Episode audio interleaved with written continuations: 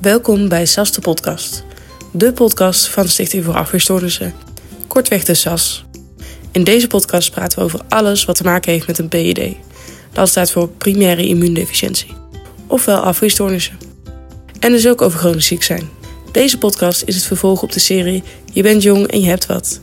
In de vorige drie afleveringen heb je het verhaal van Thijs, Bibian en Nathalie kunnen beluisteren over hoe het is om te leven met een afweerstoornis. Zo vertelt Thijs hoe hij zijn uitdaging had tijdens het studeren en hoe hij nu op weg is naar zijn baan als docent. Vertelde Bibian over haar reis naar Australië en alles wat daarbij kwam kijken. En vertelde Nathalie over haar diagnose en hoe ze vanaf de bank een relatie kreeg. Vandaag ga je luisteren naar Bibian en Thijs en krijg te horen hoe het nu met ze gaat. Dit doen ze samen met Robin Wever, die de vorige korte serie ook mee heeft gemaakt. Let op, deze ervaringen zijn geen medische adviezen. Veel luisterplezier en vergeet je niet te abonneren op deze podcast. Geef ons een like of review en bezoek onze website www.stichtingvoorafweerstoornissen.nl om op de hoogte te blijven. Hallo, daar zijn we weer. Ik ga me even voorstellen. Ik ben Robin de Wever. Ik ben nog nooit te horen geweest in de SAS-podcast, maar wel in uh, Je bent jong en je hebt wat. Dat was een podcast uh, die we twee jaar geleden hebben gemaakt met Bibian, met Thijs en met Nathalie. En Bibian en Thijs die zitten hier tegenover mij, PED'ers. Dat was een interviewpodcast. Ik heb jullie toen los van elkaar gesproken. Eigenlijk over hoe het was en hoe het is om PED te hebben, hoe jullie je leven inrichten. En we dachten, laten we eens even twee jaar later uh, terugkijken. Want jullie zijn jong en jullie leven uh, veranderd. en ja, toch? Jij kwam met ja. het idee, Bibian. Ja, ja, het is eigenlijk ook in aanloop van Zeldzame Ziektedag. en dat is dit jaar bijzonder omdat het dit jaar wel zo is. normaal is Zeldzame Ziektedag op 29 februari. Dan hebben we maar één keer in de vier jaar.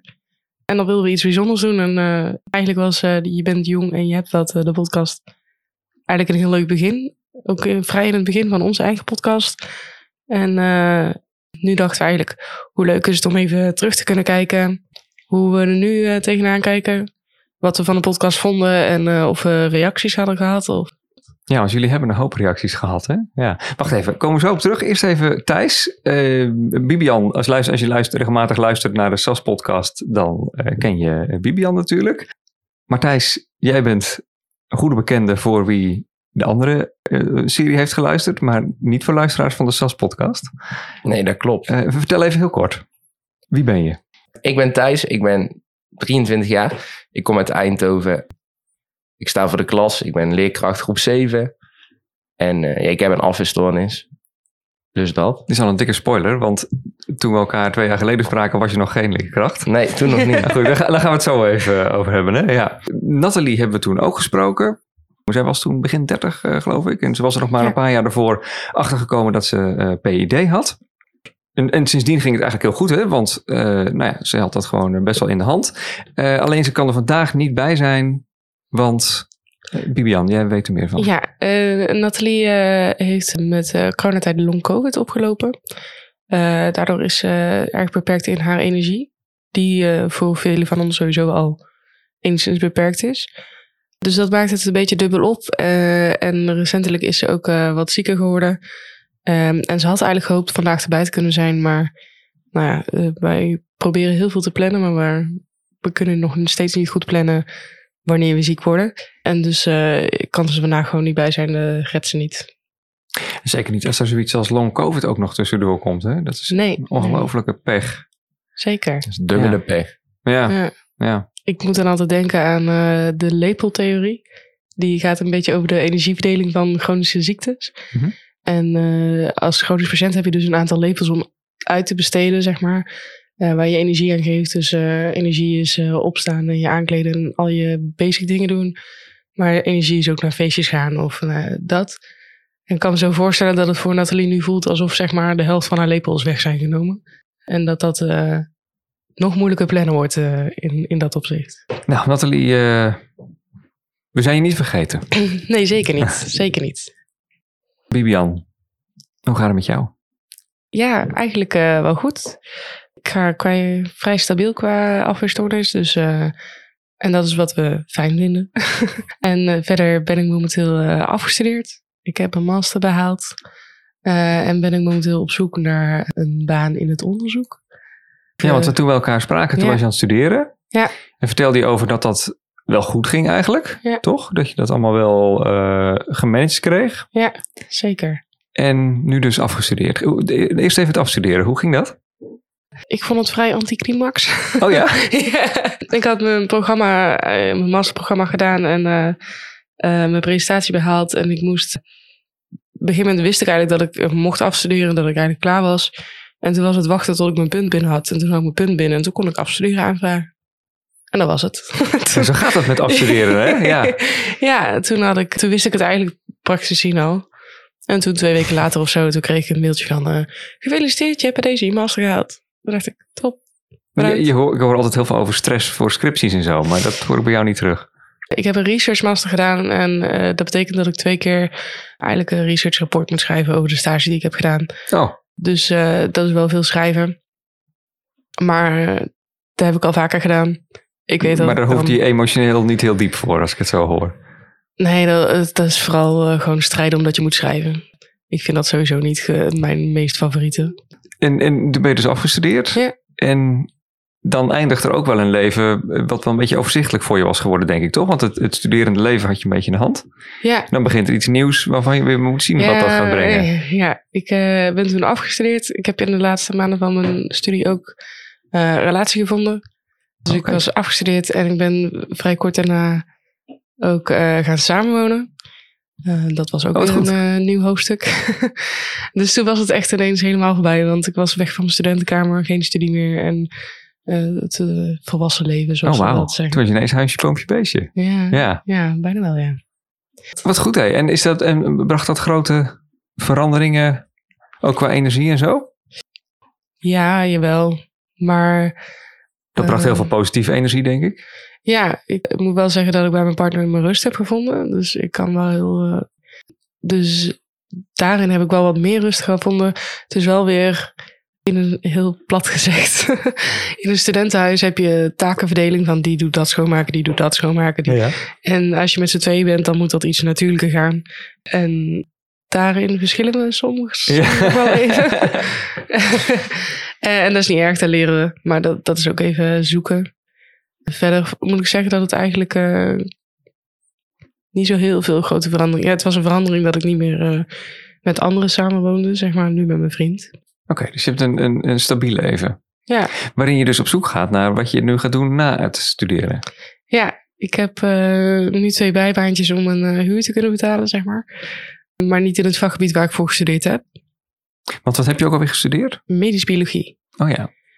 ik, ik kijk nu heel moeilijk, maar het gaat eigenlijk over medisch onderzoek. Ja, Toch? ja, Juist, ja, dus- daar, daar komt het juist. neer. Dus wat je met die studie kan worden, is medisch onderzoeker. Ja. Oké, oké. oké. En dat wil je ook. Ja, zeker. Ja. En, en eh, hoe gaat dat eh, in zijn werk? Wat ga je doen en hoe ga je, hoe daar, hoe ga je daar komen? In mijn ideale plaatje zou ik eh, promotieonderzoek doen op het gebied van afweerstoornissen. Lijkt me gewoon heel vet. Heb ik al heel jongs af aan. ik, deal natuurlijk Je met gaat een van jezelf onderzoeken. Ja, ja, jezelf vind ik lastig. maar in ieder geval wel zou ik wel vet vinden om bij te kunnen dragen aan iets waar heel veel patiënten van onze patiëntengroep last van hebben of nou, iets in kunnen betekenen. Dus dat zou ik heel vet vinden. En eh, dat gaat eigenlijk eh, lastig, omdat het is een zeldzame ziekte. Er wordt niet heel veel onderzoek naar gedaan. Moet ik zeggen, nog best wel veel hoor. Maar eh, Ja. het is maar een beperkte en een vrij korte niche. En dan is het wachten op een promotieplek. Iedereen laten weten dat je ernaar op zoek bent. Ah ja, want dat is wat je moet doen om onderzoek te kunnen doen. Je moet ergens promoveren. Ja, je moet ergens een plek krijgen om te promoveren. Eh, en daar moet geld voor zijn, er moet tijd voor zijn. En, eh, Ja, ja. en een plan voor zijn, ook wel handig. Ja, want eh, hoe werkt dat dan? Je, kom je dan zelf met een idee en ga je daar dan mee het kan op veel verschillende manieren. Meestal krijg je vanuit een onderzoeksgroep vraag die geld aan bij een instantie om die zeggen dan we hebben een geweldig idee, dit willen we onderzoeken. Eh, en dan zoeken ze iemand eh, om dat te doen. En dat zijn meestal PhD-studenten. Dus dan zeggen ze, yo, zou je dit leuk vinden om te doen? En bla bla bla. En dan ga je eigenlijk gewoon een sollicitatieprocedure in, zoals bij iedere andere baan. Oh ja, dus jij zoekt ergens gewoon een plek waar dingen onderzocht worden, waar jij kan aanhaken om afweerstoornissen te onderzoeken. Als het even kan. Ja, ja, ja, ja. Juist. En, en waarom wil je zo graag afweerstoornissen onderzoeken? Ik heb eh, in mijn studietijd veel dingen mogen onderzoeken. En daar vind ik de immunologie nog altijd het leukste van. Dus uh, nou, daar vallen afweerstoornissen onder. Uh, en ik denk dat ik daar persoonlijk vrij gedreven in ben om dat te mogen ja. onderzoeken. Dus je wil eigenlijk weten, hoe, hoe kan het, hoe werkt dat afweer hè, in je lijf? En hoe kan het dat je soms ook in de steek laat? Ja. Ja. ik vind het vet interessant. Ik heb ook uh, bij een van de stages mee mogen werken bij een onderzoekster. En zij gebruikte eigenlijk afweerstoornissen om te kijken hoe het immuunsysteem werkt. Uh, dus bij heel veel bekende afweerstoornissen weten ze precies wat er mist en zo, zo, zo. Maar doordat je dat hebt, heb je dus ook een heel belangrijke basis om te kijken hoe het dan wel zou moeten werken, zeg maar. Dus een beetje vanuit die... dat vond ik vet interessant. maar het lijkt me ook gewoon heel vet om meer de, de side effecten van een afweerstoornis. Want ik denk dat we, nou, we weten nog lang niet wat er allemaal speelt, maar uh, heel veel side effecten ook heel grote impact maken. Dus uh, over de darmgezondheid bijvoorbeeld. En je gaat dus, uh, je plan is om te gaan promoveren. Hoe schat je je kansen in? Uh, hoe, dat gaat bij mij echt met vlagen. Vlagen al naar gelang je humeur en je ja, ja, optimisme. Ja. ja. soms dan krijg je een afwijzing van iemand en dan zegt ze...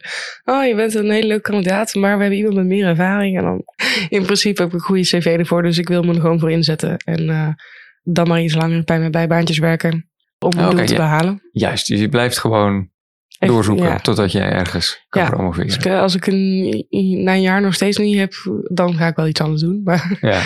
voor nu uh, wil ik nog even doorzetten. Goed, hé. Hey, en um, als ik aan promoveren denk, ik heb dat nooit gedaan, maar ik heb daar een soort van een beeld bij. Dan, dan zit je heel veel uh, te lezen. Dan kan ik me voorstellen dat je redelijk makkelijk je eigen dag in kan delen. De promoveren staat ook wel... Uh, af en toe een slecht, beeld, slecht daglicht, zeg maar, als het uh, gaat om uh, mentale gezondheid, omdat er vrij veel druk en stress bij komt. Oké, okay, ja. Um, maar het is wel zo, veel onderzoekers kunnen wel heel erg hun eigen dag indelen hoe ze dat doen, zolang ze hun uren maar maken en uh, doen wat ze beloofd hebben. Ja, oké, okay, dus dat is, dat is het goede nieuws. En, en die druk en stress is inderdaad ook wel een dingetje. Dat hoor je ook al bij promoveren, hè? Ja, ja. Ja, ja en hoe kijk je daarnaar? Daar kijk ik wel een beetje tegenop. maar ik uh, merk wel dat ik heel erg. Uh, heel, ik vind het heel interessant. Dus ik, ik haal er ook heel veel plezier uit. En ik word er ook enthousiast van als ik over mijn onderzoek mag praten. Dus, ja, hard werken voor iets wat leuk is om te doen, dat is altijd minder ja. erg dan hard werken voor iets wat minder leuk is. Hè? Ja, daar ga ik vanuit. Ja, daar zullen vast wel struggles komen. Maar ja, die zullen bij een gewone baan ook komen, denk ik. Ja, ja, ja. En dat ga je natuurlijk een, een paar jaar doen en dan wil je onderzoeker worden ja, dan, uh, dan verder in het onderzoek. Spannende tijden wel. Ja, zeker. Ja. Ben je optimistisch? Uh, over wat de toekomst gaat brengen? Ja. Ik ben over het algemeen een beetje wel... voorzichtig. Ja, ik vind het altijd lastig om te zeggen dat ik optimistisch ben. Maar ik denk dat ik wel van nature wel optimistisch ingesteld ben. Dat het ook wel een soort van, uh, hoe zeg je dat, overlevingsstrategie is. Dat, uh, zoveel mogelijk optimisme er tegenaan gooien dat het wel goed komt. Nou, je hebt al een hoop overleefd natuurlijk, toch? Zeker. Je een hoop uh, doorstaan. Ja. Ja, ja, ja. Thijs, we hebben het uh, vorig jaar gehad over, uh, over jouw levensloop en jouw... Je zat ook een beetje, je zat een beetje op dezelfde plek in je leven als Bibian eigenlijk, hè? Nog aan het studeren, maar ja, nog niet klopt. afgestudeerd. Ja. Ik was aan het afstuderen toen. Nee, het zat in het jaar voor mijn afstuderen. Oké, okay. ja. juist. En het afstuderen is, ja, je verklapte het net al, hè? Ja, het is gelukt. gelukt. Ja. Gelukkig. Ja. ja. gefeliciteerd. Ja, dankjewel. En aan de slag uh, in het onderwijs zelf. Ja, klopt. Ja. Ik heb een groep 7 op een basisschool, waar ik ook ben afgestudeerd. Dus, oh ja. Uh, super. Dat was die basisschool waar jij uh, als enige meester werd rondgetroond door de Zeker. leerlingen. Ja. Omdat er allemaal juffen waren met wie je moest trouwen, toch? Ja, ja. ja. inmiddels zijn er al drie meesters. Oh kijk, oh, er zijn er drie meesters. Oh, dat is concurrentie. Uh. ik dacht dat jij inmiddels een, inderdaad een harem had van drie vrouwen. Maar dat is niet waar je heen, uh, nee, waar je heen nee, ging. Nee. uh, en je, je, had het over speciaal onderwijs de vorige keer. Ja, ik heb zelf op speciaal onderwijs gezeten. Ja? Daar komt dan wel een stukje passie vandaan, denk ik. Mm -hmm. En ik geef nou zelf... Ja, daar was je geïnspireerd geraakt eigenlijk. Juist, hè? Ja. juist. En ik geef nu zelf les op een reguliere basisschool, maar wel met speciale leerlingen. Oké. Okay. Dus is in een wijk met een sociaal-economische achterstand. Dus Mhm. mm -hmm. veel bijwerken, bijspijkeren. en zorg toch wel. Ah ja. Dat zijn dus leerlingen die wel eh, op de basisschool zitten, maar als ze niet de juiste hulp krijgen, eigenlijk een beetje over het, het randje zouden kunnen vallen. Het zou kunnen. Ja. Ja. Het is een. Het zou kunnen, maar het gaat niet gebeuren. als Nee. jou zo zie. Nee. nee. Je hebt zelf op het bijzonder onderwijs gezeten, omdat je van je eh, geboorte tot je vierde heel veel ziek was. Ja, klopt. Zoveel dat je eigenlijk niet aan gewoon leven toekwam. Nee. En toen was het tijd om naar de basisschool te gaan. En toen was eigenlijk de conclusie van je ouders van... Thijs gaat naar het speciaal onderwijs. Want, hoe zat dat? Kun je uitleggen? Ja, ik ben naar het speciaal onderwijs gegaan dat ik gewoon te veel had gemist. Oh ja. Dus ik moest. Gemist in ontwikkeling ja, dan, toch? Ik had Ja. extra onderwijsbehoeften, zoals dat dan heet. Oh ja. En dat was dan gewoon eh, iets meer maatwerk. En dat, je, je kon verder prima leren. Ja, Bleek ook later wel, maar, ja zeker. eh, op de maar je stond gewoon op achterstand. Ja, dat. Ja. Ik stond achter. Ja.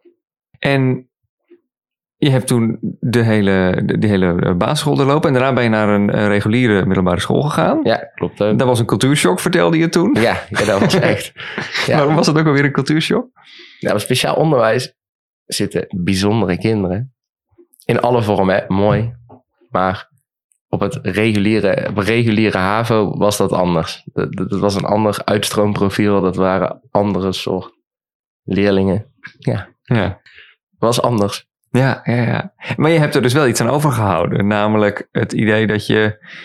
Je had het toen de vorige keer over het, het soort willen inspireren van, eh, Ja, van kinderen, hè? Ja. ja. wel. Ja, ik denk ook nog steeds dat dat is wat ik doe. Ja. En eh, waar ik me voor inzet. En waarom ik ook voor deze school heb gekozen waar ik nu werk. Ik denk dat deze leerlingen allemaal wel eh, iets verdienen dat het mooi maakt. Vertel je ze ook wel eens over je PID? Dat heb ik echt besloten nooit te gaan doen. Oh ja? Maar ik heb het wel gedaan. Oh echt? Ja, ja dat was echt een drempel. Ik vond het echt verschrikkelijk. Ik had mezelf ook voorgenomen, daar gaan we echt niet aan beginnen. Want?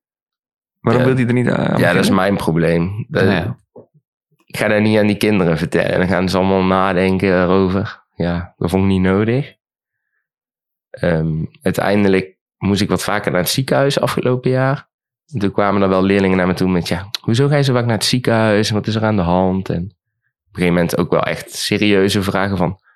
Ja, zou je dan doodgaan als je zo vaak naar het ziekenhuis moet? En toen dacht ik van ja, ik kan nou blijven Ze vertellen. zijn het bezorgd gaat- over me. Hier moet ik wel mee. Ja. Ja, ik dacht ik kan wel blijven vertellen. Het gaat supergoed. Ja. Het ging redelijk, maar ik moest iets.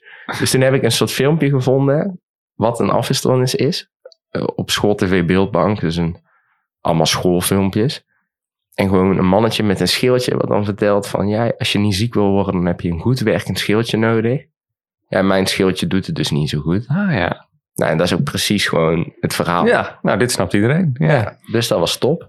En eh, ja, vanaf toen hielden ze er nog rekening mee ook. Dus dat was wel heel Oh bijzonder. ja, op wat voor manier?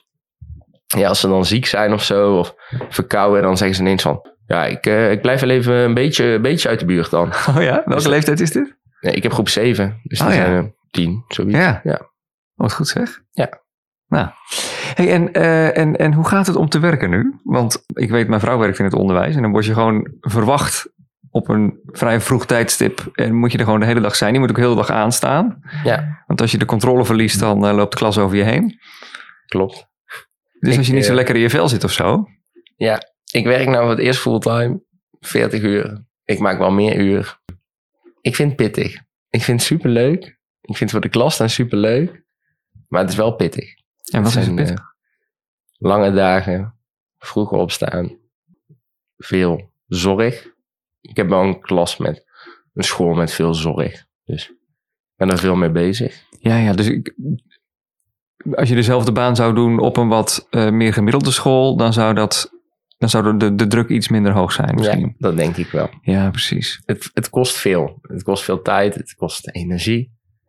Ik woon nou sinds een poosje niet meer thuis. En als ik dan nou bij mijn ouders kom, dan zeggen ze wel eens van... Ja, Thijs, je ziet er echt belabberd uit. Oh ja, Je moet echt even iets... Zeg, oh ja, maar dat komt niet door de PID, als ik je zo hoor. Dat Mm. komt, of wel? Ja, dat is wel een beetje de combi. Dit is een beetje de combi van eh, Thijs die gaat lekker door met alles wat hij vindt dat hij moet doen. Maar hij moet even zijn rust gaan pakken. Ah. Ja, Heb ik te horen gekregen. ja dat is het leven, hè? Dat is gewoon, er wordt van alles acuut van je gevraagd. Dat moet je eigenlijk allemaal doen en dat moet je goed doen. Maar Ja. daarnaast moet je ook nog gewoon op de lange termijn zorgen dat je dat allemaal volhoudt. Ja, dat. Ik doe Ja. graag al, alles wat ik doe, doe ik heel goed. Maar ik heb ontdekt dat ik mezelf daarin wel eens voorbij kan lopen. Ja. Dat is wel een probleempje. En Maar- dan, hoe, hoe, hoe merk je het zelf ook al nu? Ja, wel. Ik begin het wel steeds meer te merken. Dus ik moet er ook wel echt iets mee. Ik moet wel meer rust inbouwen. En dan niet in school of werk of privé. Die afweging, ja, ik weet nog niet zo goed hoe. Ik blijf gewoon lekker werken. Maar ik mag het wel wat rustiger aan gaan doen. Twee jaar van in de week sporten en nog naar vrienden. En ja. ergens mag er wel eh, wat meer rust in de tent. Er moet, ergens in die agenda moeten een paar strepen gezet gaan worden. Ja. Maar waar? Ja, dat, dat is dus de afweging. Ja, Nou, weet, weet je het?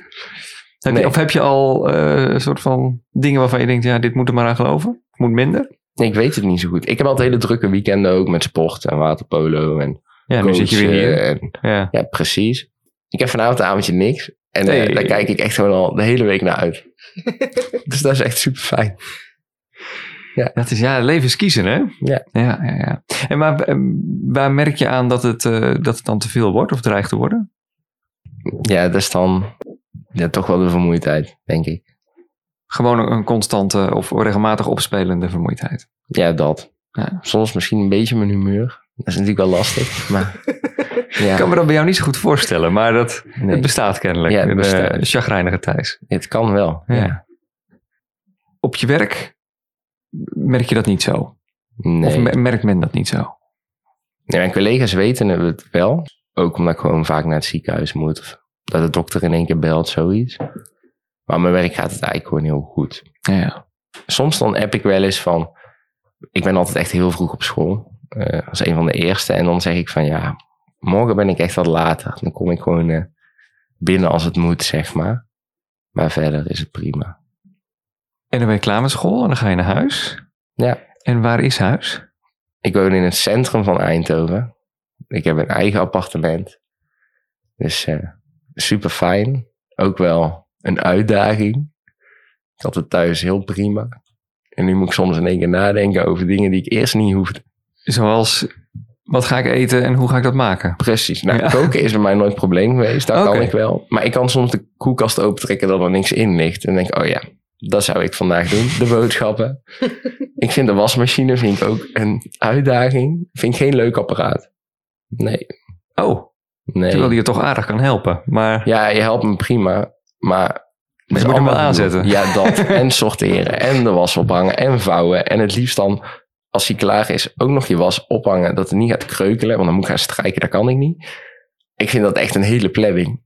Ja, je hoort hier nooit iemand over. Maar dit zijn echt grote dingen in het leven waar je eigenlijk gewoon een, soort van kwartaal voor zou moeten nemen om het allemaal op je gemakjes even uit te vogelen. Hè? Ja, precies. Ja, En geen werk, maar gewoon eens even alleen maar tijd om dit even onder de knie te krijgen en in te plannen. Ja. ik ben in de... Maar dat doe je niet. Dit moet er gewoon bij natuurlijk. nu. Ja, dat. Ja. Ik ben op mezelf gaan wonen in de eerste week dat ik een startte als leerkracht. Dus ik had, ik had het dubbel op. Ik was aan het verhuizen in het weekend voordat ik begon aan het schooljaar, zeg maar. Ja, dit was echt, eh, dat was topsport. Ja, ja dat geloof ik. Ik zit Ja. er ook nog Waarom niet helemaal lekker in. jezelf aan, joh? Ja, zo kwam het even uit. Samenloop. Maar En, en, toen, en toen, dat, dat waren weken van lege koelkasten en hele vieze onderbroeken. En uh, ja, en een lieve moeder die af oh, een lieve moeder die het toch allemaal gewoon weer deed. Die Ja, af en ja. toe in één keer een boodschappentas kwam afleveren en een was, wasje meenam, wasmachine aanzetten. Die Ja, heeft me ja. wel gered. Ja, ja. En dat doet ze nog steeds wel eens. Hoe hoe lang is dit geleden? Even denken, ja. Eh, augustus, september ben ik op mezelf gaan wonen. Oh, Oké, dus afgelopen schooljaar. Ja. Eh, Dit schooljaar. Ja, Ja. school, ja.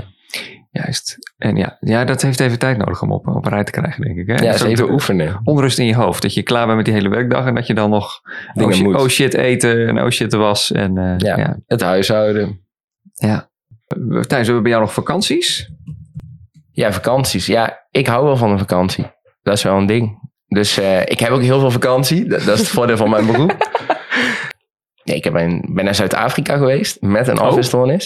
Dat was een uitdaging, maar eh, ook gewoon gelukt. Waar Dus- was het een uitdaging? Ja, dat was wel echt een ver land. Je kan het niet per se een westers land noemen. Dus dat was wel even een stapje. Maar goed voorbereid. Ik had een handbagagekoffertje vol met antibiotica voor allerlei infecties en zo. En een hele hoge dosering infuus gehad voordat ik vertrok, zodat ik precies kon overbruggen de periode dat ik weg was. Het was iets langer dan drie weken even in mijn hoofd. En toen eh, zijn we naar Zuid-Afrika gegaan. En dat was wel echt super vet. Ja? Ja, dat is wel echt de andere kant van de Wat heb je wereld. gedaan daar?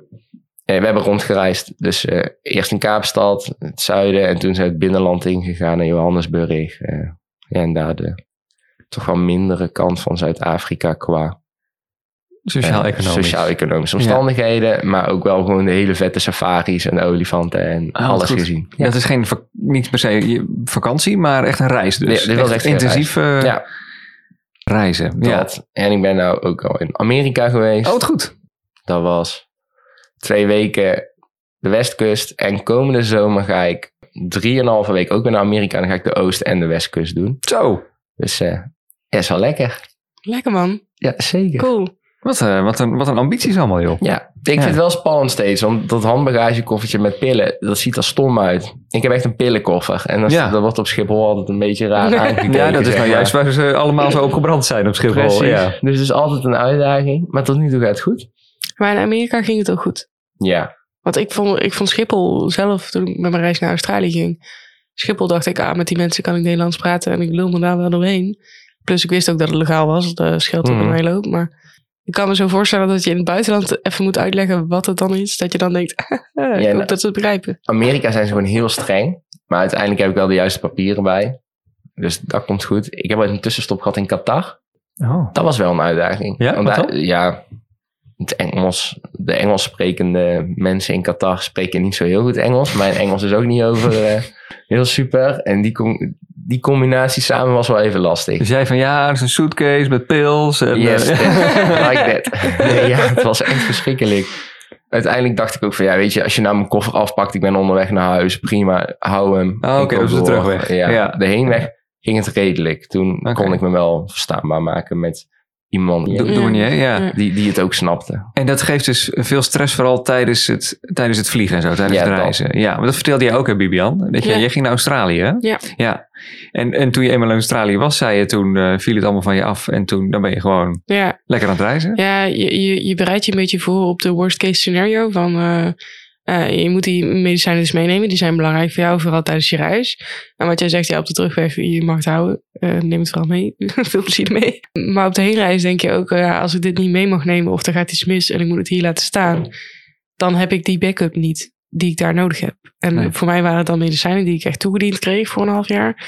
Dus dat vond ik helemaal spannend. Maar ook gewoon de, de standaard antibiotica die je meeneemt op vakantie. Als je die niet mee mag nemen, ja, dan, dan weet je ook gewoon, oké, ik mag niet ziek worden. Het voelt een beetje als mijn levensverzekering die in de koffer zit. Ik bewaak dat ding ook echt. En ik sta, ja, dat is heel stom. Ik sta altijd als eerste in de rij, al is de gate nog niet, maar ik sta vooraan. Want dan krijg je zo'n label dat je koffertje sowieso in de cabine mee mag. Oh ja?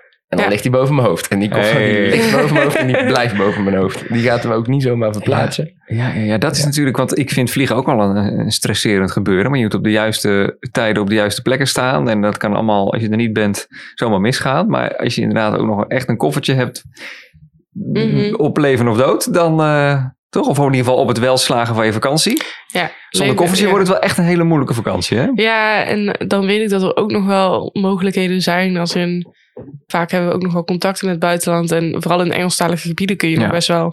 Of kunnen je artsen in ieder geval nog duidelijk maken wat het is. Maar het is gewoon fijn om je eigen spullen mee te hebben. Net zoals dat... eh, ja, misschien een beetje stom gezegd, maar net zoals dat je tandenborstel wordt afgepakt, is het ook fijn als je eigen tandenborstel mee mag nemen. Nou ja, het laatste wat je wil is als je aankomt in Australië of Amerika, dat je, dat je daar allerlei pillen weer bij elkaar moet gaan Ja. regelen met allemaal vreemde dokters. Ja, we hebben genoeg ziekenhuizen gezien, dus we gaan dan echt voor het land en niet voor de ziekenhuizen daar. Ja, ja, Ja. precies. Precies. Die hoeven niet van de binnenkant te zien. Nee. Hey, maar jij hebt die eh, vakanties ook wel nodig om op te laden, als ik het zo hoor, Ja, klopt wel. van je werk. Ja. Ik vind, eh, ik heb echt super mooi werk. Echt dankbaar ook voor. Maar ik vind de vakanties ook wel, eh, ja, die zijn nodig. Ja, ja. En je hebt er nu twee gehad, denk ik, in het schooljaar, Ja, toch? Herfst- komt- en eh, kerstvakantie? dadelijk komt de carnavalsvakantie. Waar wij wonen, Nee. daar is er eh, weinig rust in de carnavalsvakantie. En daarna heb ik, eh, we hebben drie weken meivakantie. Ja, en hoe gaat het dan in de vakantie? Als jij, Ja, ik moet even niks meer hoeft.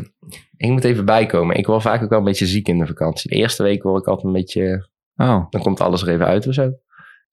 Je kijkt er nu heel eh laconiek bij, maar Nee, dat is ja. natuurlijk eh, wat je niet wil. Ik weet niet. Je hoort het vaker in het onderwijs in ieder geval. Dat de leerkrachten, docenten worden ziek eh, in de Hm. vakantie.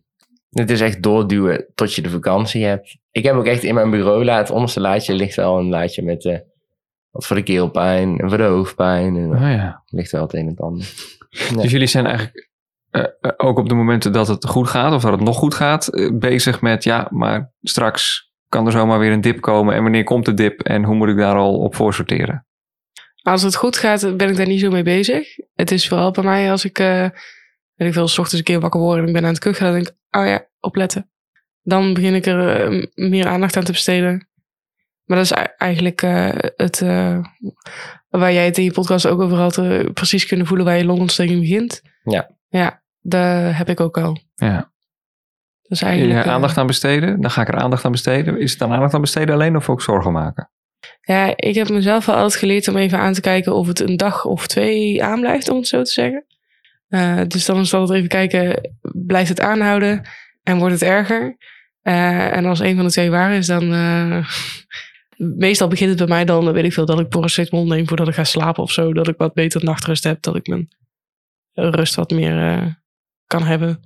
Soms, soms is dat voldoende, maar meestal in de winter vooral, dan... eh, is het wel snel al naar een antibiotica grijpen. Ja, ja.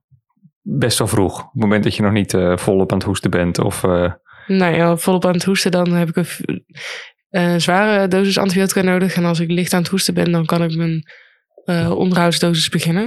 oh ja. En als die onderhoudsdosis het buiten de deur houdt, is het eigenlijk ook fijn, want dan heb ik geen zware antibiotica nodig. Ja, ja. Een beetje klein geschut inzetten, zodat het grote geschut niet nodig is. Ik slik sowieso een onderhoudskuur van af de eh, herfst tot aan de einde lente. Oh. De zomer echt weer begint. De zomer zijn echt mijn goede maanden. ja, ja.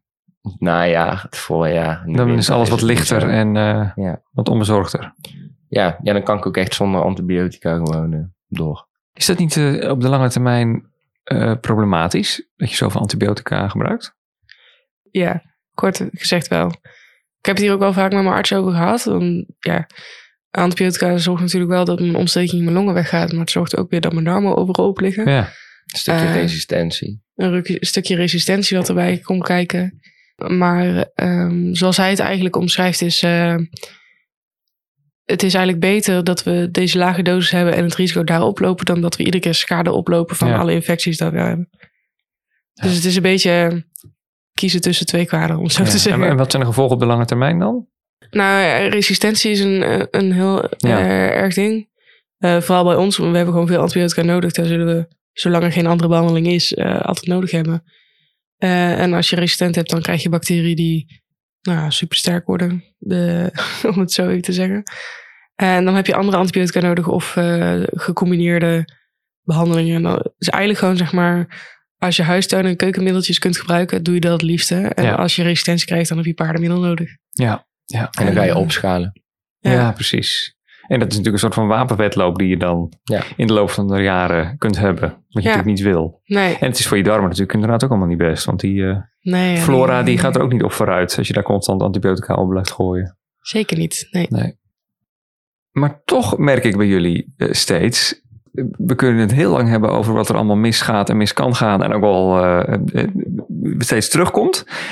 Maar jullie grijpen allebei wel hoog. Want promoveren is echt niet niks. En baan in het onderwijs is ook, eh, is ook echt niet makkelijk. En dan kies je ook nog voor een moeilijke baan in het onderwijs. Wat, wat is dat met jullie? Vragen jullie allebei. Kies maar als je wie wil beantwoorden. Wat is dat met jullie dat je dan toch ehm, niet voor de makkelijkere weg kiest? Uh, goeie vraag. Ik denk eh, dat veel van ons, als ze de diagnose nog niet hebben, echt eh, meer overlevers zijn. Dus dat het ook een soort strategie wordt.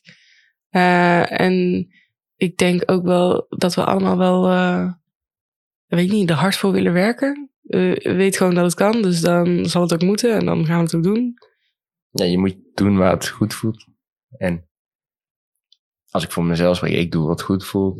Ik heb er hard voor gewerkt. Daar ben ik ook dan echt heel trots op. Ja, ja zeker. Doorzettingsvermogen. Ja, maar wat goed voelt is voor veel mensen toch een, een reguliere baan. Op een reguliere basisschool bijvoorbeeld. En jij denkt dan toch, nee, ik wil dan toch even net een extra geven. Ik zoek dan toch net een wat, eh, Pittiger. wat pittigere baan. ja. Ja. Wat is dat? Is, eh, komt dat doordat je zelf ook een pittig Weet verleden niet. hebt? Misschien een stukje bewijzen. Ja, Van- ja er, er zit een stukje be- bewijsdrang in. Daar heb ik het ook over gehad in mijn podcast. eh. Ik kan me nu heel goed beseffen dat ik minstens evenveel waard ben als ieder ander mens. Maar veel mensen hebben toch wel het gevoel als je chronisch ziek bent dat je minder waard bent. Want je kunt minder. Zoals ik al zei, je- je hebt minder lepels om te verdelen. En dat voelt misschien heel, heel kwetsend naar jezelf. Eh, en daardoor probeer je te compenseren op andere gebieden. Dus eh, nou, ik ben misschien wel ziek. Maar eh, dit kan ik wel beter dan de gemiddelde, zeg maar. Oh, ja. De- dat je een compensatiegedrag... Ja. Ik vind het altijd super lastig. Dan over die... Hè, je bent chronisch ziek en de een beleeft het anders dan de ander. En de ander heeft er meer moeite mee. En het is heel verschillend. Ik vind het altijd een super lastig iets. Eh, Het liefst geef ik er niet aan toe, zeg maar. Dat is ook wel lastig. Ja. ge- geef je er niet aan toe als in je wil niet eh, toekennen dat je chronisch ziek bent? Nee, ik heb het. Ja. Maar daar blijft het bij. Ja, dat vind ik echt iets lastigs. Ik vond dat ook eh, in de podcast met Nathalie. ehm, zei jij, eh, je bent 28 jaar ziek geweest. Ja. Ik vind ziek ook een lastig begrip in dat opzicht. Want eh, ik ben natuurlijk chronisch ziek.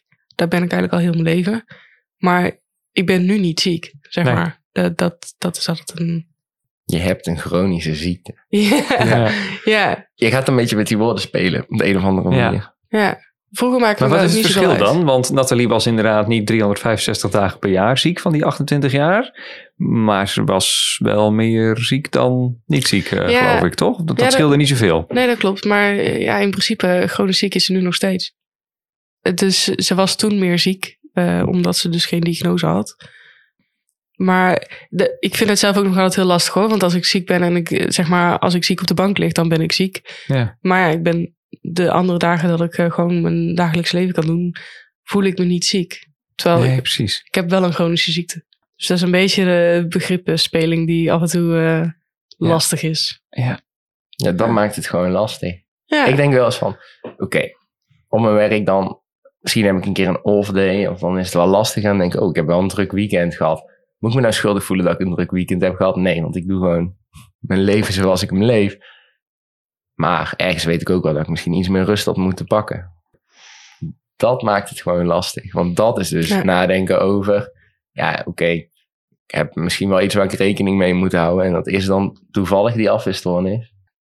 En waar wij ons ook allebei heel erg herkennen in het verhaal van Nathalie, toen ze de diagnose nog niet had, was eh, die vier dagen stappen, want die longontsteking krijg je toch wel. Ja. Die, eh, ja, want Nathalie die ging, als ze dan uitging, dan ging ze van vrijdag tot en met, eh, of van donderdag tot Ja, en met donderdag zaterdag. tot en met Donderdag tot zaterdag, en met zondag. Ja, Ja. want ze wist toch van daarna word ik ziek, dus dan maakt niet uit of ik één Ja. keer uitga of vier keer uitga.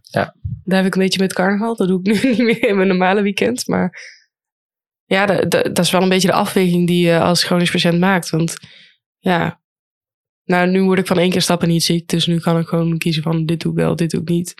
Maar ik weet wel inderdaad, als ik een druk weekend heb en eh, ik kom niet aan mijn slaapuren en eh, ik schiet tekort, dan weet ik wel waar ik het moet verhalen, zeg maar. Ja. Maar ja, dat is me soms ook gewoon waard. Dat. Carnaval is het mij volledig waard. Ik ben al heel mijn leven na de carnaval word ik, word ik Ziek. ziekjes. Maar, maar is er school de week na de carnaval? Nou, dan ben ik weer fit. Oh, dan ben je weer Mijn, fit. mijn Oh, carnaval oké. stopt op eh, woensdag. Nou, dan heb ik donderdag, vrijdag, zaterdag, zondag. Oké, dus dat is gewoon, eh, dan heb je Uitzieken. vakantie, maar dan heb je Ja. nu al in je bed eh, gepland. Ja, ja, Ja. dat is eigenlijk wel zo. Ja. Ja, ja, Ik weet wel dat het risico groot is. En Ja. Dat heb ik genomen. Ja, ja. Maar goed, er staan een hoop pieken eh, tegenover. precies. Ja. Hebben jullie veel reacties gehad op de, op de interviews? Nou, ik heb wel mensen in mijn omgeving gehad die het geluisterd hebben. En ik praat zelf best wel veel erover, denk ik. Dus ik denk dat heel veel mensen niet zo verwonderd vonden om mijn verhaal te horen. Eh, maar ze vonden het wel bijzonder om mij in podcastvorm te horen. dus Ja. mijn stem. Eh, maar ook, eh, zo, ook wel weer reacties van mensen die zeiden van... Oh ja, ja ik, ik weet het eigenlijk wel van jou, maar ik vergeet het heel vaak. Dus dan is dit weer Oh ja. weer even zo van, oh ja, dit is ook nog, zeg maar. Is dat dan leuk om te horen of niet? In, eh, in misschien in zekere zin is het ook wel een compliment. Omdat ik altijd Ja, dat dacht ik ook. Ja, hard mijn best doe om niet te laten merken dat ik het heb. dat is positief. Ja, Maar? dus, eh, nou, ja, het, het is ook wel eh, soms lastig als in... Ik vind het af en toe ook wel vervelend van mezelf dat ik zo hard mijn best moet doen om het er niet te laten merken. Terwijl ik denk, het is ook gewoon onderdeel van mij. Ik mag er ook Ja. gewoon zijn. Ja. Dus ook voor sommige vrienden van mij die zeiden dan... Oh ja, ik was eigenlijk al vergeten dat dat zo'n heftig jaar was voor jou. Eh, Zeg maar, dan denk ik, ja, voor mij Ja. heeft het zoveel impact gemaakt. Het is soms heel raar om te beseffen dat andere mensen dat niet zo hebben meegekregen op die nee, manier. Nee, precies. En valt er iets uit te leren? Zou je het er vaker over willen hebben? Valt er voor de vrienden iets over te, te leren? Ja, ik ben wel iets bewuster gaan praten meer over dat het af en toe ook gewoon shit is. Dus ik, ik kan het altijd heel mooi optimistisch en eh, zeggen, maar eh, het valt allemaal wel mee. Of eh, maar het is me allemaal waard. Eh, eh, dat ben ik een beetje aan het afleren om ook gewoon te zeggen van het is gewoon af en toe shit. En dat is, kan er niet veel meer maken dan dat het is. Je bent niet alleen maar meer dapper, maar eh, Ja, je moet ook gewoon laten zien hoe het echt ja, gaat. Ja. Men mag af en toe weten dat het ook gewoon... En hoe wordt daarop gereageerd? Ja, eigenlijk heel normaal. Zeggen ze, oh ja, ja, dat is eigenlijk ook wel heel logisch. ja. Ja. ja. Herkenbaar thuis? Ja, zeker. Ja, bij mij ehm, in mijn familie hadden heel veel mensen de podcast geluisterd. En uiteindelijk ook vrienden. En die vond het allemaal een heel mooi verhaal. Ook het positieve eruit, dat het heel herkenbaar was. Het- Mijn huidige werkgever heeft de podcast gehoord. Ja. Daar had, had ik niet aan gedacht. Ik vond het ook wel echt een super mooi gesprek. Maar ze hadden hem dus gehoord. En toen kreeg ik een appje. En dat was echt wel... eh, is ook wel spannend, lijkt me. Als je... ik had er helemaal niet over nagedacht. Ja, Echt nee, niet. ik probeer Nee. ook altijd te vergeten als ik aan het praten ben. En achteraf denk ik, ah, heel de wereld kan dit horen nu. Ja, dan, Ja, daar moet je niet aan denken. Nee. Nee, dus ik vond dat toen wel, dat ik dacht, oh wow, oh ja, ja, zo werkt dat. Ehm, Maar hoe, hoe bedoel je? ja, dat het, mijn werkgever had het gehoord. Ik zou het in eerste instantie misschien niet zomaar hebben verteld. Nee. En nu wisten ze het. En hoe Maar- kwamen ze erbij dan? Via LinkedIn. Oh ja. En dan Daar had jij het opgezet. Het was via, via gedeeld en mijn naam stond erin. en Oh, toen- ja. ja. ja, zo was het eh, daar ook terechtgekomen. Maar echt su- super positieve reactie en meedenken. En ja, echt heel fijn. Mijn school is echt een warm bad wat dat betreft, qua collega's. Dus iedereen die hoort over eh, je PID en, je- en je struggles en hoe je ermee omgaat, die eh, reageert eigenlijk positief. Ook al ben jij vooraf wat terughoudend om dat allemaal te delen. Ja, ik ben altijd wel terughoudend om het te delen. Ik zou het in een gesprek niet zomaar aan bod laten komen. Willen jullie de luisteraars eh, nog iets meegeven? Geen idee, ja, dat is altijd, een mo- altijd een moeilijke vraag, Ja. maar we kunnen het maar even gesteld hebben. Ik moet wel zeggen dat ik toen mijn eigen podcast terugluisterde, dat ik dacht, oeh, klinkt misschien nu wel heel angstig om te reizen. Terwijl nu kijk ik er weer relaxter tegenaan. Oh ja, Dat ik, eh, nu ik de reis helemaal heb gemaakt en eh, ik ben inmiddels ook naar Griekenland geweest, die op mijn bucketlist stond. Dus twee keer zelfs. Dus, eh, Hoppa. dus, dat zei je eh, nog inderdaad toen, hè? ja. Dat je, ja, dat je er wel heen wilde. Toen was het Ja. eigenlijk nog wel een grappig verhaal. Want ik was. ik, ik had nog gezegd van binnen Europa laat ik het mijn arts meestal niet weten. Mhm. Daar had ik eigenlijk ook. ik had daar niet op voorbereid. En toen kwam ik toevallig op controlegesprek. En dan zegt Oh ja, in de vakantie ga ik naar Griekenland. Dan zegt hij: Oh, goed dat je het zegt. Dan schrijf ik even andere antibiotica uit. Ik zo: huh, wat? Maar blijkbaar antibiotica die we hier heel veel gebruiken, is daar heel veel resistentie op. Oh, Dus als je daar een antibiotica of een bacterie oploopt, dan is het handig om andere antibiotica mee te hebben. Toen dacht ik, oh, nou, maar goed dat ik het even tussen neus en lippen door heb verteld. Ik heb hem uiteindelijk helemaal niet nodig gehad. Ik heb hem op mijn tweede reis gewoon mee kunnen nemen, omdat ik hem nog steeds niet gebruikt had. Maar, nou, ja, dus dan is de les ja, misschien toch wel even vertellen. Toch wel even vertellen. ja. En niet te bezorgd zijn eigenlijk, toch? Over eh, Nou wat er allemaal... eh, nee, het kan want, gewoon want we allemaal. hebben hier nu wel twee voorbeelden van hoe je meerdere keren met koffertjes over vliegvelden kan rollen en eh, Het lukt. de marechaussee niet eh, bovenop je springt en je gewoon de hele wereld over kan. Ja. Ik, was in mijn hoofd ook veel meer crimineel dan dat het eigenlijk was, zeg maar. Ja, dat is het ook. je vindt Ja? jezelf een crimineel. Echt een drug trafficker voel je. Ja, dat. weet je. Mijn koffer is echt een pillenkoffer. Het klinkt Ja. heel stoer. En zo zit het ook in mijn hoofd. Maar deze is het helemaal niet. Het zijn allemaal brave pakjes van de apotheek. Nou, hey, ehm, ontzettend bedankt. En jij ook. Ja, Superleuk was je leuk. weer eh, gesproken te hebben. Ja, ja, leuk om jullie weer te spreken inderdaad. Ja. En eh, nou, ja, Nathalie, jammer dat je er niet bij was, maar eh, Hopen dat het weer beter gaat. precies. Zeker.